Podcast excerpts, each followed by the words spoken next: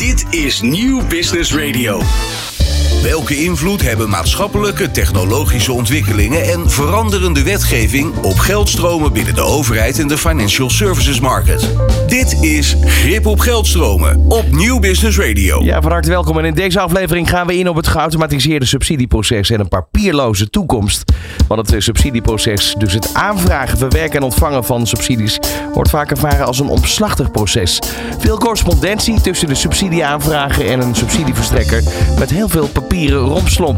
Daarna ook nog de vraag: heb ik wel recht op subsidie? En hoeveel subsidie heb ik dan uiteindelijk recht op? Wanneer krijg ik wat uitbetaald en hoe en waar moet ik mezelf verantwoorden? SAP ontwikkelde speciaal voor dit proces de Grantor Management eh, module. En binnen het Grantor Management volgt SAP automatisch het Uniform Subsidiekader, ofwel de USK. En dat wordt binnen de overheid gehanteerd, zodat het subsidieproces rijksbreed uniform kan worden uitgevoerd. Voor elke subsidie dus ehm, ja, worden dezelfde stappen doorlopen. En van aanvraag tot en met vaststellen en verantwoorden. Hoe het werkt, dat gaan we vandaag bespreken in Grip op Geldstromen met Hein Keizer van SAP. En eh, Pieter Schepers van Equipt. Ik heet je van harte welkom bij een nieuwe aflevering van Grip op Geldstromen.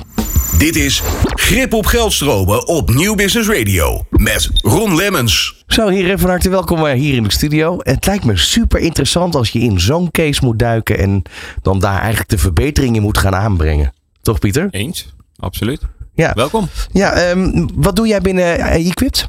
Eh, ik ben werkzaam als principal consultant. eh, met name gericht op het CX-domein, Customer Experience. Eh, met een specifieke focus op eh, subsidieproces, Grantor Management. En dan Hein Keizer, we hadden jou ook eh, te gast in de allereerste aflevering. Inderdaad. Leuk om hier weer te zijn. Ja, ik ben adviseur overheid bij SAP Nederland. En, ehm, en jij hebt eigenlijk dat hele implementatieproces als het ware meegemaakt.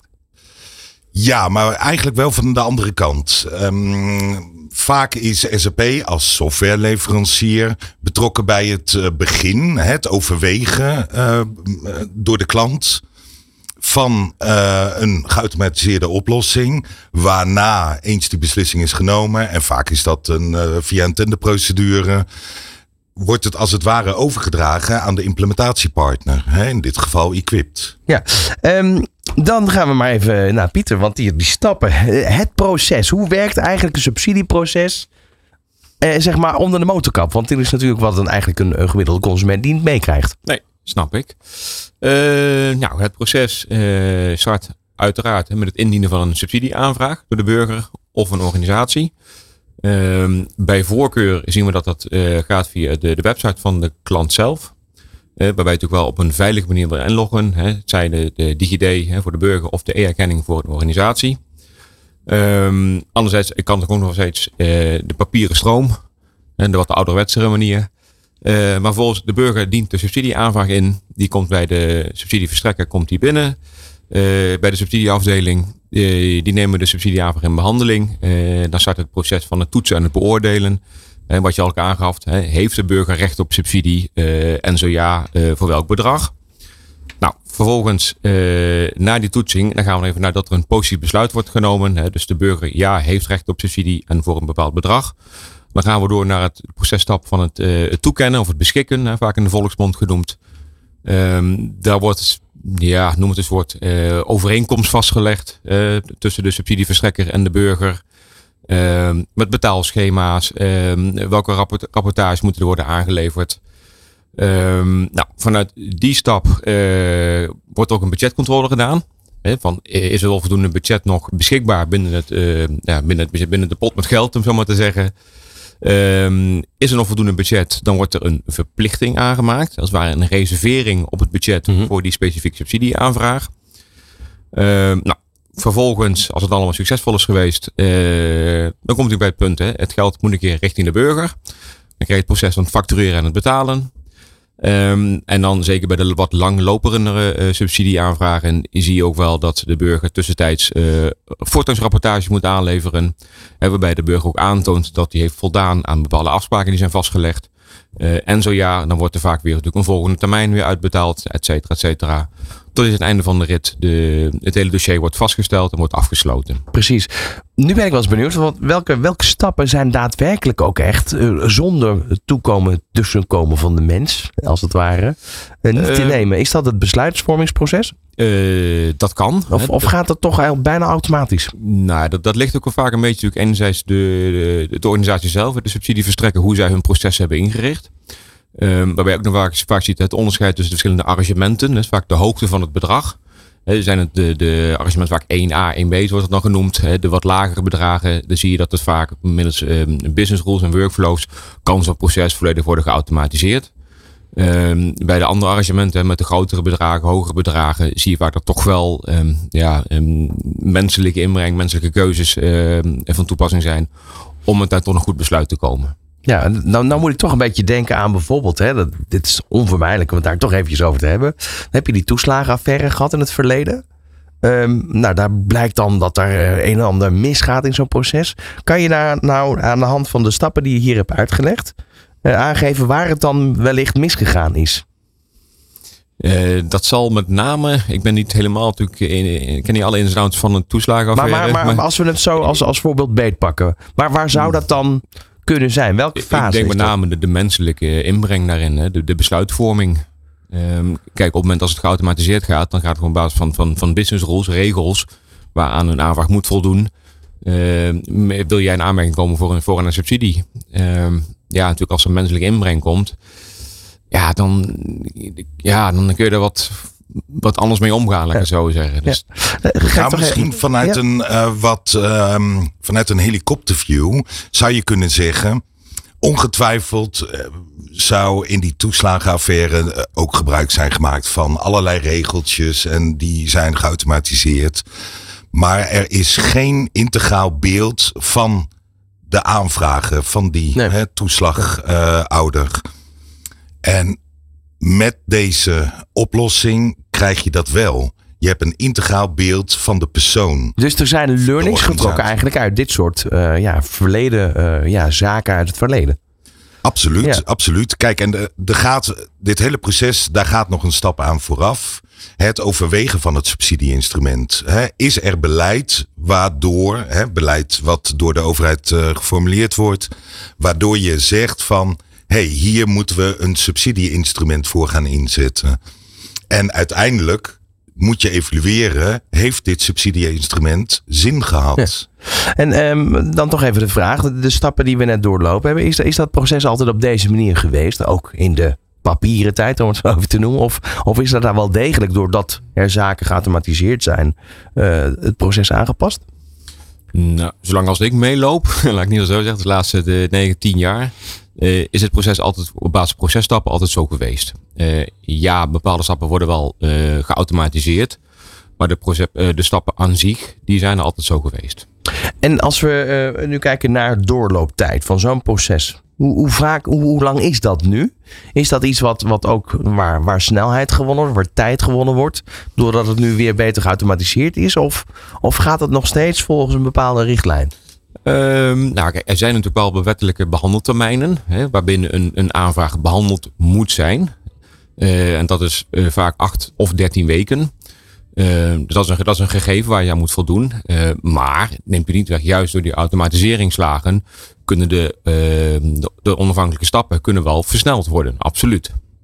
En dat is ja, iets wat je natuurlijk als SAP ook rekening mee houdt met het ontwikkelen van de software.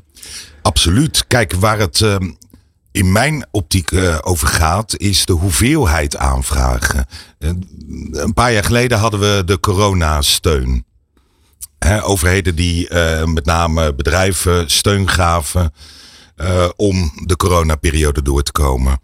Daar zag je, en ik weet een voorbeeld van bijvoorbeeld de stad Hamburg in Duitsland. Daar kwamen in de eerste paar uur dat de steunmaatregel uh, gepubliceerd was, meer dan 200.000 aanvragen per uur uh, binnen. Ja, dat kun je niet meer met nee. de hand afwerken. Nee.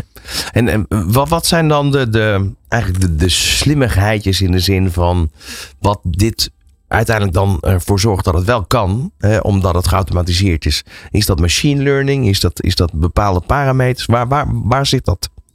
Kijk, het begint bij de aanvraag van de burger of het bedrijfsleven. En uh, die aanvraag wordt eigenlijk al geautomatiseerd ingediend. Hè? First time rights.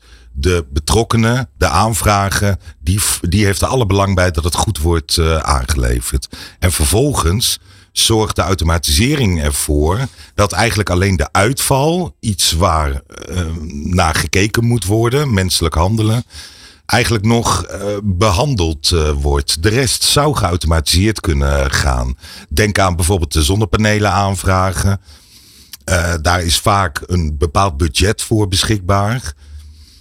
Ja, het systeem kan aangeven, let op, het budget is bijna uitgeput. we krijgen al zoveel aanvragen binnen. Dus, dus de het menselijk handelen is dus veel meer opgericht om te kunnen bijsturen.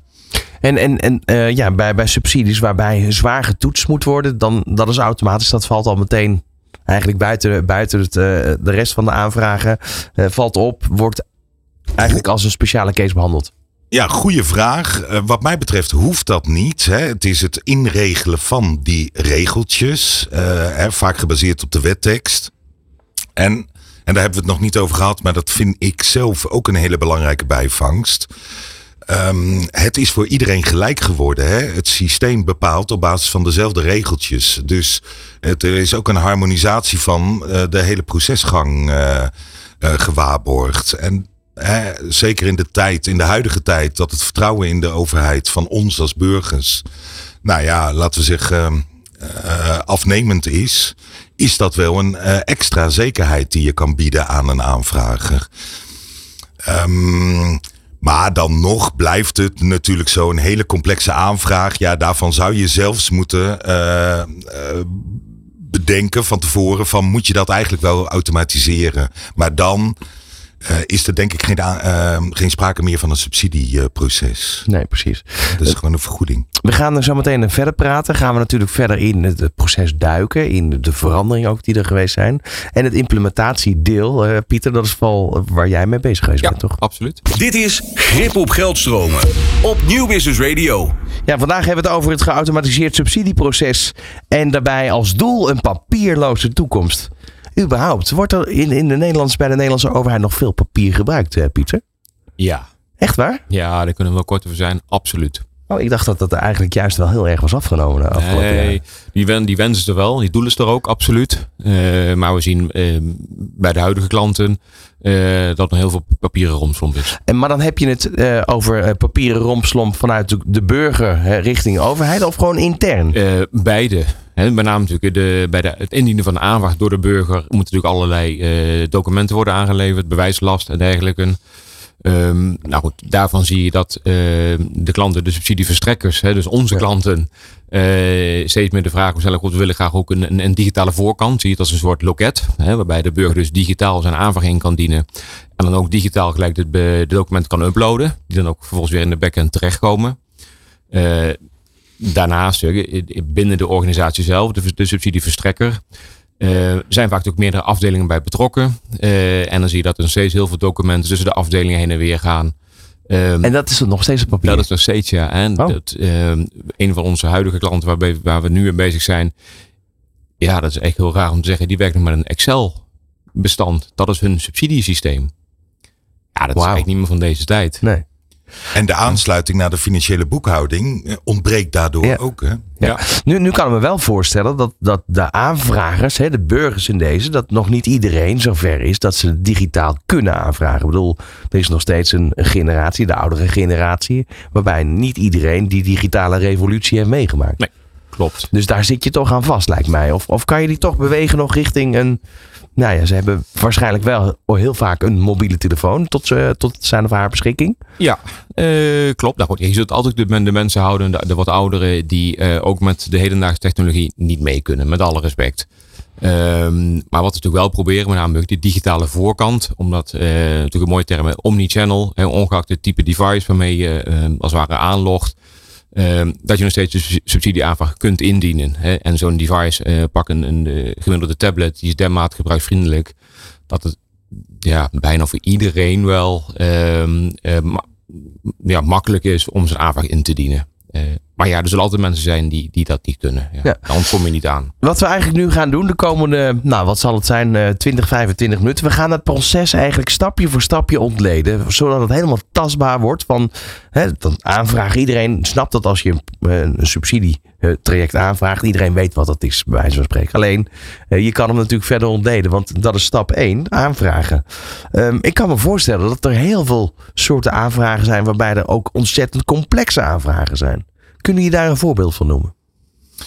Eh, ja, Eh, kijk, natuurlijk de wat makkelijkere. ehm, eh, kijk, iedere aanvraag wordt, natuurlijk aan een bepaalde subsidieregeling gekoppeld. Hè, je kunt denken aan een subsidieregeling voor zonnepanelen, wat hij net ook al aangaf. Ja, dat zijn natuurlijk vaak ehm, redelijk simpele subsidieregelingen. Ehm, ja goed, er zijn ook, zijn ook hele complexe. thema's en dat soort zaken. Ligt ook een beetje aan het onderwerp. Ehm, en het beleid wat er ook achter ligt. Hè, wat is de reden om tot een regeling te komen? Eh, daar zit veel variatie in. Eh, dus ja, er zijn makkelijkere of simpelere eh, regelingen en, en hele complexe.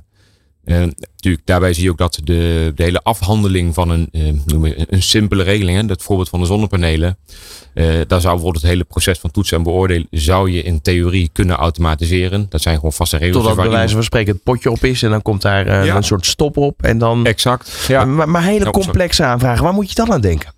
Nou, ik weet bijvoorbeeld in eh, Canada gebruikt eh, de studiefinanciering in Canada eh, eh, grantor management.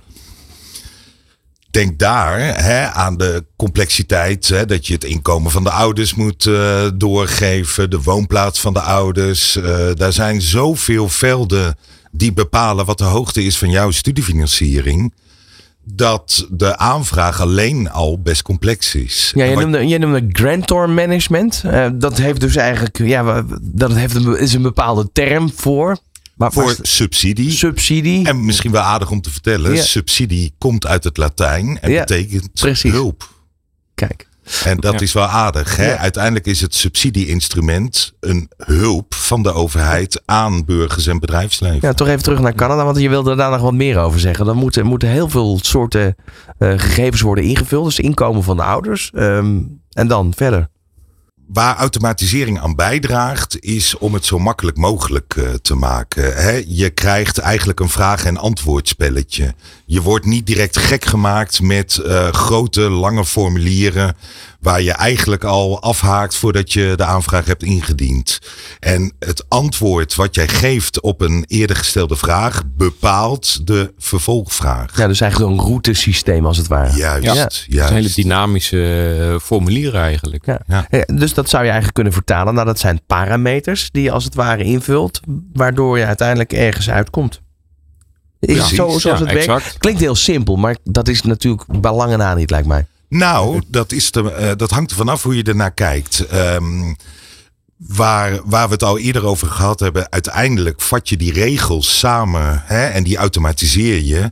Dus die aanvragen, op het moment dat hij het indient, de aanvraag, zou je eigenlijk al als overheidsorganisatie kunnen teruggeven. Jij vraagt dus, nou, en ik noem nu maar wat, eh 1200 euro per maand aan. Ehm, dus je geeft direct retourinformatie eh, terug. Zodat het niet een vraagteken blijft. Dat je na zes weken, vaak een wettelijke termijn, pas te horen krijgt van nou, jouw aanvraag is goedgekeurd en je krijgt nou 1200, en een- eh, 1200 euro en 51 cent. Als voorbeeld. Dus je geeft ook direct retourinformatie aan die aanvragen. En dat biedt zekerheid. Denk nog even aan het vertrouwen in de overheid. Hè, door transparant te zijn, kun je eh, die burger en het bedrijfsleven betrekken bij jouw interne besluitvormingsproces. Nou, sterker, Ja? sterker nog, ehm, eh, je wilt eigenlijk voorkomen dat, dat een burger een aanvraag indient eh, en dat hij na zes weken doorkrijgt, ja sorry, het budget is op. Eh, idealiter wil je op het moment als een burger besluit om een aanvraag in te dienen, dat hij dan al in informatie zegt, ja sorry, eh, het budget is op. In plaats van dat je dat na zes weken alsnog nog teruggekoppeld krijgt. Ja. Nu, nu werk je vanuit Equipped, eh, implementeer je met name deze software Ja. bij, bij overheden. Ja. Eh, eh, wat voor overheden, waar moet je aan denken? Zijn dat gemeentes, provincies, gewoon de landelijke overheid? Ehm, beiden. We hebben nu een tweetal provincies gedaan. De provincie Noord-Brabant. Die zijn al een aantal jaren live. Dat was ook onze eerste grote klant. we, zijn nu, we zitten nu in de afrondende fase van de provincie Utrecht. Die gaan eerste week januari gaan ze luiden, dus over drie weken. we hebben het geïmplementeerd bij het ministerie van Buitenlandse Zaken. voor het financieren van ontwikkelingssamenwerken.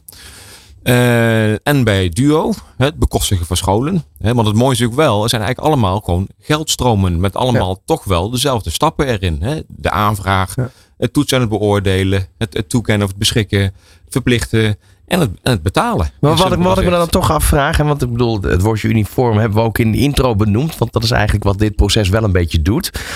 Wordt er nog heel anders gekeken in Utrecht dan in, in Noord-Brabant naar zo'n aanvraag, zo'n systeem, zo'n proces? Nee, toch niet? Nee, ja, natuurlijk. Je hebt altijd al de details zijn toch weer anders. Maar in de hoofdlijnen zie je exact dezelfde problematiek ook. Eh, maar het groeit naar elkaar toe. Dat is eigenlijk wel de conclusie. Het was voorheen, was het eigenlijk ieder voor zich. Iedereen ging het wiel opnieuw uitvinden, ja, toch? Kijk, en zeker natuurlijk op het moment als we natuurlijk uh, in dit geval SAP Management implementeren. Uh, ja, dan heb je natuurlijk wel nog een aantal, hè, de bekende hoofdstappen waar we het over hebben, die, die doorloop je dan. En dat geldt voor Noord-Brabant, maar net zoals voor Utrecht. Wat, wat moet je eh, dan doen qua implementatie? Los van de infrastructuur moet helemaal kloppen. De computers moeten helemaal kloppen. Eh, of waar het ook staat in de cloud of noem maar op. Uh, maar waar, waar, waar moet je de mensen trainen? Is dat, is dat heel erg belangrijk? De mensen dus binnen de overheid? Altijd. En natuurlijk, met name natuurlijk mensen te, trainen. Hè, hoe ga ik met het systeem om? Hoe moet ik door het proces heen, door het systeem heen lopen? daar, daar zijn trainingen cruciaal ik ben ook wel van mening, uh, hopelijk kan hij het bevestigen, dat de kwaliteit van de training mede bepaalt het succes van de implementatie in totaliteit. Ja, maar dat geldt voor alles. Ja. Hè? Ehm, de eerste keer dat ik uh, achter het stuur van een auto zat, was tijdens een rijles. Hè? Ik bedoel maar. En het rijden in een auto willen we ook nog certificeren met een rijbewijs bij alles wat je doet heb je wel wat training nodig. En ondanks dat je wil dat het zo intuïtief mogelijk is. En, en voor de burger, hè, de aanvragen en het bedrijfsleven. Uh, vind ik, is het al intuïtief. Maar uiteindelijk, het is een complex uh, proces. Hè, het subsidieverleningsproces. Ja. En dat, ja, daar zul je begeleiding in moeten geven. Ja. Um, Laten we gaan naar stap 2. Of hebben we hier uh, over stap 1 de aanvraag? Hebben we daar nog iets, is daar nog iets interessants over te melden? Nou, we, we kunnen er uren over hebben, maar oh zo, we kunnen er uren over praten. Uh, nee, ik denk voor nu. Nou, het, het makkelijk uploaden van gegevens. Hè? Denk aan foto's, denk aan uh, bouwtekeningen. Dat soort zaken moet ook voor die aanvrager heel gemakkelijk zijn. En op een veilige manier natuurlijk. En dat soort faciliteiten wordt natuurlijk standaard meegeleverd. Ja, dus de, maar bouwtekeningen, eigenlijk wel allemaal digitale aanvragen. Uh, dus niet bij wijze van spreken een kladje waarbij met handgeschreven tekst iets wordt ingescand. Of, of gebeurt dat ook nog? Dat zie je ook nog wel. Ja, met de handschreven is misschien wat overdreven. Maar uh, ja, er worden ook handmatig stukken uh, aangeleverd, absoluut. Uh, maar goed, je wilt ook vanuit een, het hele idee van digitalisering, wil je daar wel zoveel mogelijk van af. Ja, want, want kan je dat op een of andere manier dan toch in het geautomatiseerde proces trekken of lukt dat niet? Uiteraard, dat, uh, dat is verplicht. Hè? Een aanvraag is een formeel proces. Dus alle stukken die daarin mee worden gestuurd, ja, die, daar wordt een pdfje van gemaakt. Hè? Dat zijn unieke documenten waar tegen bezwaar en beroep mogelijk is. Dus die wil je aan het dossier hebben gekoppeld. Maar er zijn inmiddels tools. Ik bedoel, ik heb op mijn telefoon, ik heb een Android-telefoon. Daar kan ik de, tegenwoordig uh, natuurlijk gewoon iets scannen. En hij herkent het plaatje als het ware. Dat soort uh, technieken zullen jullie waarschijnlijk ook toegepast hebben. Uiteraard, ja. Oké, ja. stap 2. Toetsen en beoordelen. Hoe gaat dat dan? Ja. uh, nou goed, dus de aanvraag die is ontvangen hè, binnen, binnen de subsidieverstrekker. Um, is afhankelijk van, daar zie ik wel verschillen binnen de, qua implementatie bij de verschillende bedrijven. Uh, met name welke rollen, hè, welke medewerkers zijn erbij betrokken. Uh, een voorbeeld, hè, recent voorbeeld van de provincie Utrecht, die daar de, initiële aanvraag wordt opgepakt door de subsidieondersteuner of de subsidiebehandelaar. Die start met een formele toets. En dat houdt vaak meer in, eh, zijn alle stukken aanwezig die nodig zijn om überhaupt die aanvraag te kunnen toetsen. Uh, nou, zo'n formele toets wordt dan doorlopen. Vervolgens krijg je een financiële toets. Hè, dus de controle van, oké, de burger vraagt, het Voot Verheind vraagt 1200 euro aan. Past dat wel? Hebben we er wel genoeg budget voor? En nou, dat is dan de financiële toets. Dan krijg je de inhoudelijke toets. En dan zie je bijvoorbeeld bij de provincie Utrecht. Dan krijg je een switch van de behandelaar naar de beleidsmedewerker. Dus een andere, ander poppetje met een andere rol, andere pet op. Uh, die doet dan de inhoudelijke toets. En die gaat dan ook echt beoordelen van heeft die burger ook echt recht op, op een subsidie? En zo ja, voor welk bedrag? Uh, nou, dus we gaan even uit dat het allemaal positief is. Dan, uh, dan wordt de aanvraag, dat noemen ze dan het conceptbesluit, wordt dan aangeboden bij de, bij de team naar de budgethouder. Die moet er nog eens een plasje over doen van oké, ben ik er ook mee akkoord. Uh, die keurt hem goed en dan gaat hij nog een keer door naar het CMT-lid. Nog een keer een soort vier-ogen-principe wat wordt uh, toegepast. Als die dan ook akkoord gaat met het hele besluit, Um, dan is eigenlijk het hele proces rondom toetsen en beoordelen is dan uh, succesvol afgerond. Nou, dit is, is eigenlijk een gigantisch proces. Als je daarna gaan we meer dan 70 miljoen inwoners hier in Nederland, waar al dit soort zaken voor uh, geregeld moeten worden. Uh, daar, daar zijn duizenden mensen waarschijnlijk bij betrokken, of niet? Dat valt wel mee. Oh. Ja, Althans, als je kijkt binnen de provincie Utrecht, hè, dat is voor ons het meest actuele klant nu. Daar hebben zij om en nabij 35 subsidiebehandelaren. En die zijn de hele dag bezig met subsidieaanvragen te behandelen. Ja. Kijk, ik denk dat jouw vraag ook een ander punt uh, raakt. Het is uh. Hè? Dus er moet vaak een vier-ogen principe. Hè? We moeten als overheidsorganisatie echt wel vaststellen dat deze aanvraag gehonoreerd mag worden. Ja, dus je hebt eigenlijk iedere keer een soort fallback achter een fallback. En dan pas, hè, als we nou, plaatsen naar de voetbalwedstrijd. Je hebt eigenlijk een fallback, de VAR, en daarachter heb je nog een VAR. Ja, ja, zo zou je het ja. kunnen zeggen. Ja. ja. Kijk, en, en tijdens de uitvoering van het proces, hè, denk aan een provincie, uh, die heeft vaak een gemeente binnen de provincie die een subsidie aanvraagt. Om bijvoorbeeld een fietspad aan te leggen. Worden bouwtekeningen uh, uh, meegestuurd. En halverwege het proces moet er vaak ook nog een externe partij, hè, laten we zeggen een, een ingenieursbureau, toetsen of het nog steeds voldoet aan uh, de, de aanvraag. Dus ook daar moeten de uitstapjes worden gemaakt. Dus dat toetsen is, is niet alleen aan de voorkant, maar vaak ook nog tijdens de uitvoering van het project. Ja, dat, uiteindelijk gaan we straks ook naar toekennen toe. En dan dat, dat blijft men volgen. Blijft het allemaal actueel, actueel, actueel. Gaan we zo meteen verder over praten. Ja, we volgen dus de stappen eigenlijk van hoe je dus een subsidie aanvraagt. Alleen dan nu eigenlijk je vanuit de, de binnenkant van, uh, vanuit de overheid gezien. Dit is Grip op Geldstromen op Nieuw Business Radio. Ja, vandaag dus in de studio Henk Keizer van SAP en Pieter Schepers van Equipped. En met, hem, uh, hebben, met hen hebben we het dus over het subsidieproces. Geautomatiseerd en wel. Dat is nu in ieder geval een, een stuk verbeterd uh, bij sommige overheden. Andere moeten daar nog aan uh, gaan. Um, en we hebben het proces eigenlijk al even beet genomen. Het bestaat uit zeven stappen. Aanvragen, toetsen en beoordelen. Daar zijn we eigenlijk een beetje gebleven. En dan komt vervolgens komt het toekennen. Met andere woorden, de beleidsmedewerker heeft bepaald met de achtervang, de, de medewerkers daarna nog, van nou het mag echt. Um, dus oké, dan wordt er toegekend. En dan? Ja, nou, de toekenning uh, is eigenlijk wat ik straks al probeerde aan te geven. Zie het als een soort uh, overeenkomst, contract hè, tussen de burger en de subsidieverstrekker. Um, daarin wordt vastgelegd onder de looptijd van de hele subsidie. Uh, het betaalschema, het betaalritme. Dus wanneer gaan we wat voor welke bedragen uitbetalen. Uh, daarbij kennen we nog het onderscheid tussen voorschotten, dan wel gewoon de uitbetaling of de lumpsumbetalingen. Uh, bij een voorschot moet nog een keer verantwoord worden. Een lump sum in principe niet. Um, op, het, op de toekenning, zoals dat in SAP-termen heet, hè, de beschikking in de volksmond, uh, wordt ook vastgelegd um, welke voortgangsrapportage moet een burger aanleveren gedurende de looptijd. Hè, om aan te tonen dat hij ook voldoet aan de afspraken die zijn, uh, die zijn gedaan. Dus ja, dat is eigenlijk geen wat je op de, onder het toekennen verstaat. Ja, en, en belangrijk ook vanuit het toekennen uh, wordt dan ook de, de, nogmaals een budgetcontrole gedaan. Hè. Past het, uh, het, het toegekende bedrag, past het ook binnen het budget? Uh, en zo ja, wordt er ook een verplichting vastgelegd in de financiële administratie. En dat is ook de kracht van SAP, dat het allemaal naadloos met elkaar geïntegreerd is. Nu, nu zei jij Hein ook eigenlijk van ja, let wel, het gaat dus hier om belastingcenten. Dus eigenlijk heel logisch dat dit hele proces best wel complex met veel tussenstappen in elkaar zit. Um, in hoeverre uh, kan dit in de toekomst eh, nog meer geautomatiseerd worden door middel van machine learning. eh, waarbij die besluitvorming wel automatisch gaat. Is dat überhaupt denkbaar? Dat is denkbaar. Maar ik denk niet dat daar de grote waarde te halen is. Uh, ook SAP is steeds meer bezig met uh, machine learning. Leveren we standaard mee uit.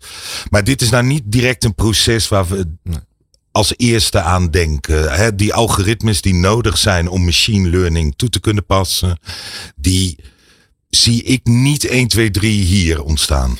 Nee, ik denk met name ook, hè, iedere, regeling, iedere regeling hangt er een ander beleid achter. Hè. Wat zijn natuurlijk de doelen die je wilt behalen met, met, met, met een regeling? En dat, is, ja, dat kan zo variëren. Ik denk dat het lastig is om daar bepaalde algoritmes op los te laten. Ja, wat, wat me wel te binnen schiet. Ik weet, uh, de State of North Carolina in, uh, in de US. Die heeft gezegd, nadat ze met SAP uh, subsidiemanagement uh, zijn gestart. Van hoeveel regelingen hebben we eigenlijk, subsidieregelingen? En iedere staat heeft zijn eigen set aan ministeries. En uh, zij hebben een onderzoek gedaan en daar bleek op dat moment uit, we hebben meer dan 700 regelingen. En waarom stoppen we die niet allemaal in dat ene SAP-systeem? Om uiteindelijk veel schaalbaarder te kunnen zijn en veel meer processen te kunnen harmoniseren. En daar zie je de grote waarde eigenlijk ontstaan. Efficiëntievoordelen. Ja, is het ook wat je veel bespreekt met je klanten vanuit Equipped?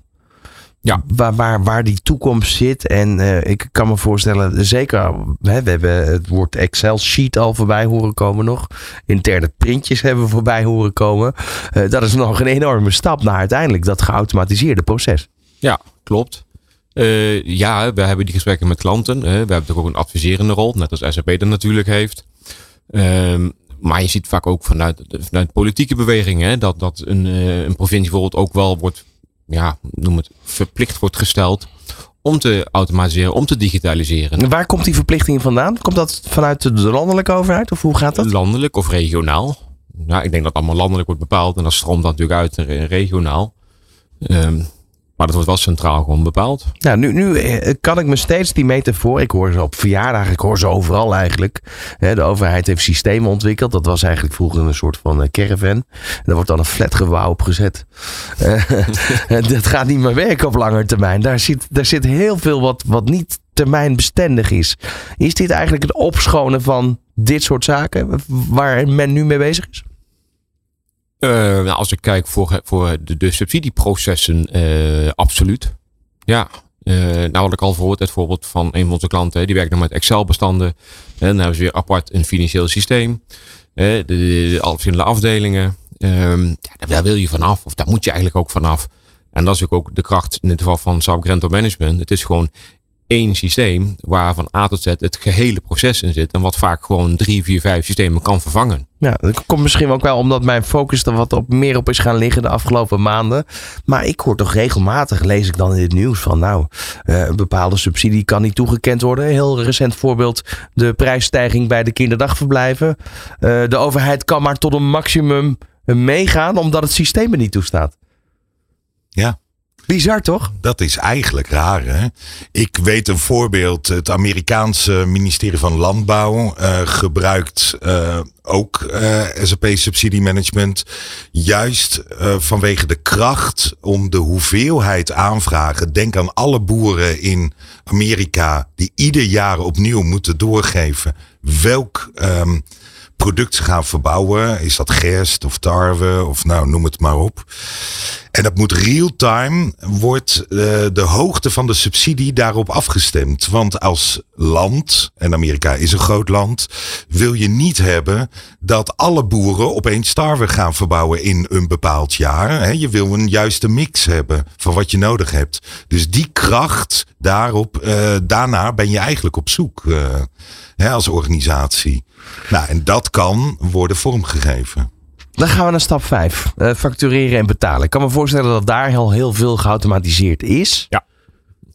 Dus dat, dat is peanuts. In dat geval, qua vernieuwing, is daar niet heel veel anders. Of heb ik het mis? Nee, kijk, hoe je het in principe moet zien vanuit het subsidieproces beredeneerd dan. Hè, dus vanuit de toekenning of de overeenkomst, beschikking, net hoe je het wil noemen, hè, die, eh, die de subsidieverstrekker heeft met de klant. Daar is een bepaald betaalritme in vastgelegd. Hè, op, die, op die termijn of die, die datum gaan wij een x-bedrag eh, overmaken. Eh, nou, voordat die betaling de deur uit kan gaan, vindt er ook natuurlijk weer een bepaalde eh, goedkeuringsslag op. Vaak door een financieel medewerker weer. Een andere persoon van een andere afdeling heeft toegang tot hetzelfde systeem uiteraard, tot dezelfde informatie. Eh, maar die heeft net een andere pet op en die is dan geautoriseerd om een betaling of een termijn vrij te geven. Pardon, op het moment als een betaling wordt vrijgegeven, dan stroomt dat automatisch door naar de financiële administratie. Eh, en vanuit daar is het eigenlijk een volledig geautomatiseerd proces eh, om een facturatierun te draaien. Ja. Eh, er wordt een open post gecreëerd in je financiële boekhouding. En tot slot in de volgende run de betalingsrun om het geld daadwerkelijk ook over te maken naar de burger toe. Maar en is dat gaat, ook volledig geautomatiseerd? Ja. En, en, ehm, maar waarom is het dan, hè, dat staat wel op één, binnen éénzelfde termijn, dag, hè, datum staat dat dan op de rekening. Maar de ene keer is dat om 9 uur s ochtends, de andere keer is dat om 12 uur s middags. Waar zit dat dan? Hebben jullie daar een idee van? Dat zit, nou goed, ik ben zelf niet de financiële Nee, expert in dit snap hele ik. verhaal. Maar ja, goed, toch, Eh, maar voor wat ik heb begrepen, op u, op welk moment draai jij de betaalrun? Dat is het, Ja. precies. Oké, dan hebben we die betaalrun gehad. Eh, Kunnen we door naar stap 6? Ja. Nou, Hoewel- misschien nog één opmerking. Wat er hier geschetst wordt, is dus de ideale wereld. Hè? Nog te vaak eh, zien we dat eh, overheden een apart subsidiesysteem hebben, hebben en een apart boekhoudsysteem. Ja, en dan wordt er gesproken over extra comptabel de boekhouding in orde brengen. Ja, en dat voelt al niet goed. Hè? En ik denk in de tijd waarin we leven willen auditors eh, eigenlijk meer zekerheden hebben. En dat pleit voor een geïntegreerde benadering. Kijk, heel belangrijk dus. Ja, nou, het Ehm, voordeel daarbij is, ik zal het ook even onderbreken. tuurlijk. het voordeel is zeker ook bij deze oplossing. Eh, hè, vaak heb je natuurlijk wel het idee, een financieel systeem, dat noemen ze vaak de backend. Dat hebben we ook nog wel ergens voor om te kunnen betalen. En dan de voorkant eh, voor de aanvraag en, en, de- en de toekennende beschikkingen. Maar juist de kracht van deze oplossing is ook dat je ook aan de voorkant als een behandelaar of een beleidsmedewerker ook exact de stand van zaken kunt zien. Welke betalingen zijn er al gedaan? Hè? Welke is er alleen gefactureerd? Wat is al betaald? Wat zit er aan te komen? Dus iedereen, of ja, ieder toegang tot het systeem heeft alle informatie beschikbaar. We gaan zo meteen eh, verder praten. Eh, we gaan het dan hebben over de monitoring en voortgangsreportage en het vaststellen en het afsluiten. En de toekomst van dit systeem. Waar gaat het naartoe? Dit is Grip op Geldstromen op Nieuw Business Radio. Ja, waarin we het vandaag hebben over het geautomatiseerd subsidieproces en een papierloze toekomst. We hebben het hele proces ontleed. We zijn eigenlijk van die zeven stappen zijn we nog bij stap 6 en 7 gebleven. Eh, monitoring en voortgangsreportages en het vaststellen en afsluiten. Ehm, de voortgangsreportages, daar hadden we het eigenlijk al vaak over, Pieter. Er wordt eigenlijk gedurende het hele proces wordt er getoetst of het nog steeds eh, voldoet aan eh, het moment van aanvraag en toekenning. Ja, eens. Dat enerzijds. En anderzijds hè, voldoet de burger ook aan de afspraken die, die zijn gemaakt. Het voorbeeld wat, wat hij noemde, aanleggen van een fietspad. Nou, dat gaat misschien wel over twee, drie jaar gaat daar overheen. Eh, maar goed, dan wil je bijvoorbeeld wel na het eerste jaar zien dat er een, bijvoorbeeld van die, noem maar, van die vijf kilometer, dat er wel een kilometer is aangelegd, als voorbeeld. Eh, is dat niet het geval, hè, dan kan de subsidieverstrekker eventueel besluiten om de volgende termijn niet te betalen. Want je hebt niet voldaan aan de, aan de afspraken die zijn gemaakt. Nou, daarvoor hebben we dan een stukje voortgang en monitoring. Hè, waarbij je dus initieel bij het aangaan van je, van je beschikking, waarbij het dus vastlegt op die termijnen verwachten wij een, een rapportage. Eh, het systeem die, eh, die, die, die monitort dat ook. En dus op het moment als, noem wat, op, op 1 januari moet er een rapportage binnen zijn. Nou, het systeem kan het gewoon monitoren. Als het op 15 december nog niet binnen is, dat het systeem automatisch een rappellering de deur uit doet. Naar de burger toe van let op, binnen 14 dagen verwachten van u een bepaalde rapportage. Dat kan dan zijn via een e-mailtje. Dat kan zijn natuurlijk in de ideale digitale wereld dat het via op de website, op het portaal beschikbaar komt. Denk aan een soort eh, berichteninbox, die we natuurlijk allemaal vanuit de overheid kennen. Eh, of dat, dat is ook nog een optie natuurlijk, hè, in de oude wereld meer, de papieren wereld, dat een eh, medewerker, een behandelaar, een mailtje zelf handmatig klopt met het verzoek om die informatie aan te leveren. Eh, en da- dan, dan zou zo'n toekenningsproces, op het moment dat, dat dat dan het geval is, zou dan eigenlijk weer van vooraf aan kunnen beginnen? Of wordt het dan vaak nog wel eh, versneld afgehandeld, omdat het eigenlijk wel een lopend subsidietraject is? Ehm, hoe bedoel je precies? Nou, in de zin, je zegt, er, er valt iets uit. Uh, dat valt op. Hè. De, de, de subsidie wordt die maand niet toegekend omdat ze niet voldaan hebben aan bepaalde criteria.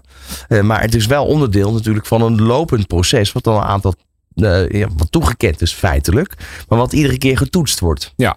Is het dan zo dat je weer helemaal opnieuw begint met het aanvraagproces? Of hoe, hoe, hoe wordt dat dan weer in de automatisering teruggebracht? Nee, kijk, vanuit je, als ik de vraag goed begrijp althans, van, vanuit de beschikking of de toekenning in SAP-terminologie, uh, daar, komt een, daar komt nog in een trigger, de voortgangsrapportage is ontvangen. Uh, nou, dan staat er weer een soort subproces om die rapportage te beoordelen. Dat gaat wellicht over een aantal schijven heen. Denk aan een behandelaar, een beleidsmedewerker die dan wat van moet vinden.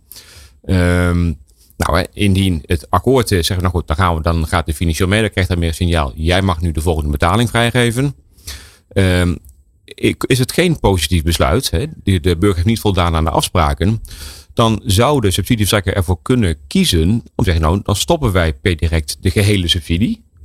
Uh, wellicht dat we nog een vordering instellen. Hè, want je hebt natuurlijk een bedrag ontvangen, maar je hebt niet voldaan aan de afspraken. Dus dan moet je of het gehele bedrag of een gedeelte ervan moet je uh, terugbetalen. Dus er wordt een vordering ingesteld. En dat initieert dan direct vanuit je beschikking. Dus eigenlijk het hele aanvraagproces is, uh, is eigenlijk dan afgerond al. Maar als je in de beschikking zit, dan is de aanvraag ja, niet meer relevant, niet het goede woord. Maar daar wordt eigenlijk niet heel veel meer mee gedaan. Um, en dan gaan we langzaam maar zeker naar het vaststellen, het afsluiten. Dus stap 7.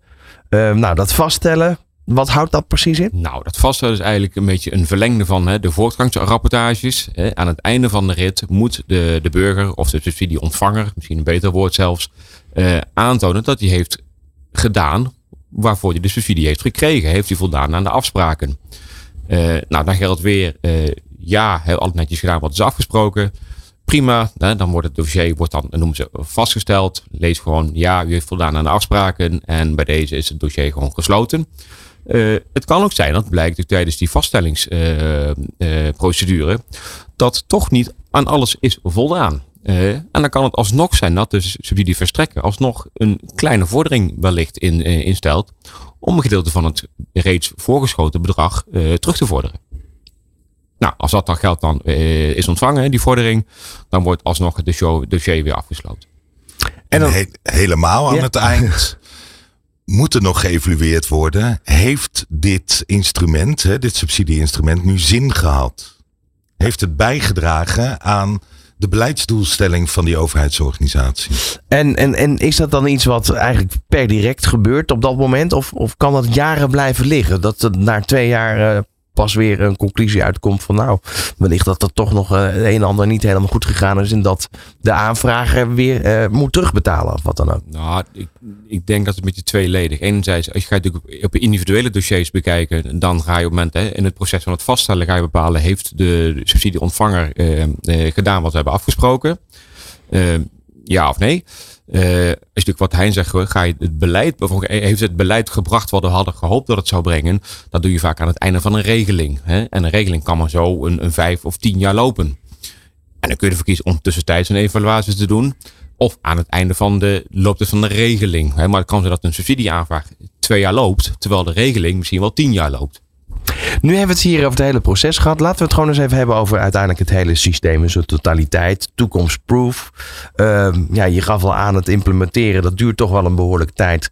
Omdat nog niet elke overheid over is. Uh, maar dan, als men straks totaal over is en je hebt dat uniform plaatje kunnen creëren.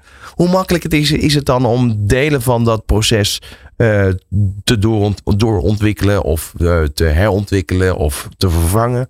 Hoe, hoe gaat dat nu? Want je draait nu op een nieuw systeem. Niet meer op een Excel-sheet. Dus dat is al een winst. Hoe gaat het verder? Ja, wat mij betreft gaat het verder in de zin van dan volledig proberen uit te nutten. Hè? Er zijn zoveel regelingen. Ik gaf al even aan in het voorbeeld van de states uh, van North Carolina in de US. Meer dan 700 subsidieregelingen. Ik ben ervan overtuigd dat dat in Nederland niet veel minder is. Dus je gaat dan proberen dat zo maximaal mogelijk uit te nutten. Om weer die efficiency te bereiken. En tegelijkertijd, hè, waar is SAP op dit moment heel druk mee bezig? Wij willen heel graag die omnichannel benadering makkelijker maken. Hè, de samenleving digitaliseert. Niet iedereen kan even snel mee.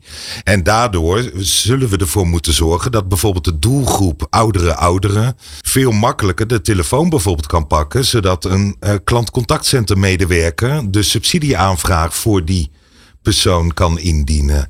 dat is echt in een wisselwerking of door persoonlijk naar een steunpunt, een servicepunt toe te gaan om die aanvraag in te dienen. Ook is SAP druk bezig uh, te investeren in het inzichtelijk maken van waar ben ik met mijn aanvraag? is die in behandeling genomen? Is er al een akkoord opgegeven hè, om, om retourinformatie eh, aan die aanvrager uh, mee te geven. En uiteindelijk om die harmonisatie van processen zo makkelijk mogelijk uh, te laten doen ontstaan. ik denk aan de Europese Unie. Die gebruikt SAP voor uh, subsidiemanagement. Zo standaard mogelijk al haar subsidies over de lidstaten uit te delen. Nou, en daarmee hoopt eh, de Europese Unie uh, een situatie te bereiken dat maximale transparantie uh, wordt uh, nagestreefd. Pieter, tot slot, want ja, de uitzending zit er bijna op. Um, wat gaan jullie in de toekomst al doen? Waar wij natuurlijk ons steeds meer op gaan richten is met name het omnichannel verhaal wat, wat hij ook al aangaf.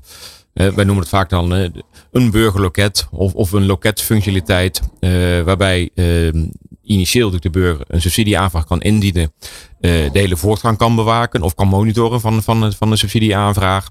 Als we natuurlijk steeds verder gaan, hè, zie je ook de, de, het, het uploaden van document, documenten en dergelijke. Allemaal vanuit één loket.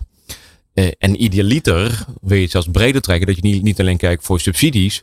Denk bijvoorbeeld aan uh, uh, vergunningen aanvragen bij een gemeente. Bijvoorbeeld één centraal ja, digitaal loket krijgt waar de burger terecht kan voor al zijn vragen. Niet alleen subsidies, maar eigenlijk ja, alles wat erbij komt kijken. Waarbij je voor een, met een gemeente of een provincie in gesprek kunt gaan. Dat je het allemaal vanuit één ingang als het ware kunt, uh, kunt starten. Nou ja, en, en in aanvulling daarop, eh, SAP is samen overigens met uh, de Nederlandse overheid uh, ook aan het kijken. binnenkort verandert de wetgeving. Hè, dat heet Self-Sovereign Identity. Dat de burger of het bedrijfsleven zelf mag bepalen welke gegevens deel ik met welke hè, overheidsinstantie of in het bedrijfsleven. Waardoor je ook. Um, zeg maar, je uniek kan identificeren. Hè? Noem het een soort van opvolger van DigiD. Uh, hè? Zowel voor de burgers als voor het bedrijfsleven. Waardoor jij kan besluiten van deze gegevens wil ik delen met deze overheidsinstantie. Om de aanvraag van de subsidie bijvoorbeeld zo makkelijk mogelijk te maken. Ik wil jullie hartelijk danken voor de komst naar de studio. En heel interessant om een inkijkje te nemen in hoe je dan de subsidiestromen automatiseert. Bedankt voor het luisteren naar Grip op Geldstromen. Tot de volgende aflevering. Grip op Geldstromen op Nieuw Business Radio. Alles over het optimaliseren van financiële processen binnen de overheid en financial services market. Luister elke tweede woensdag van de maand om 2 uur naar Grip op Geldstromen op Nieuw Business Radio.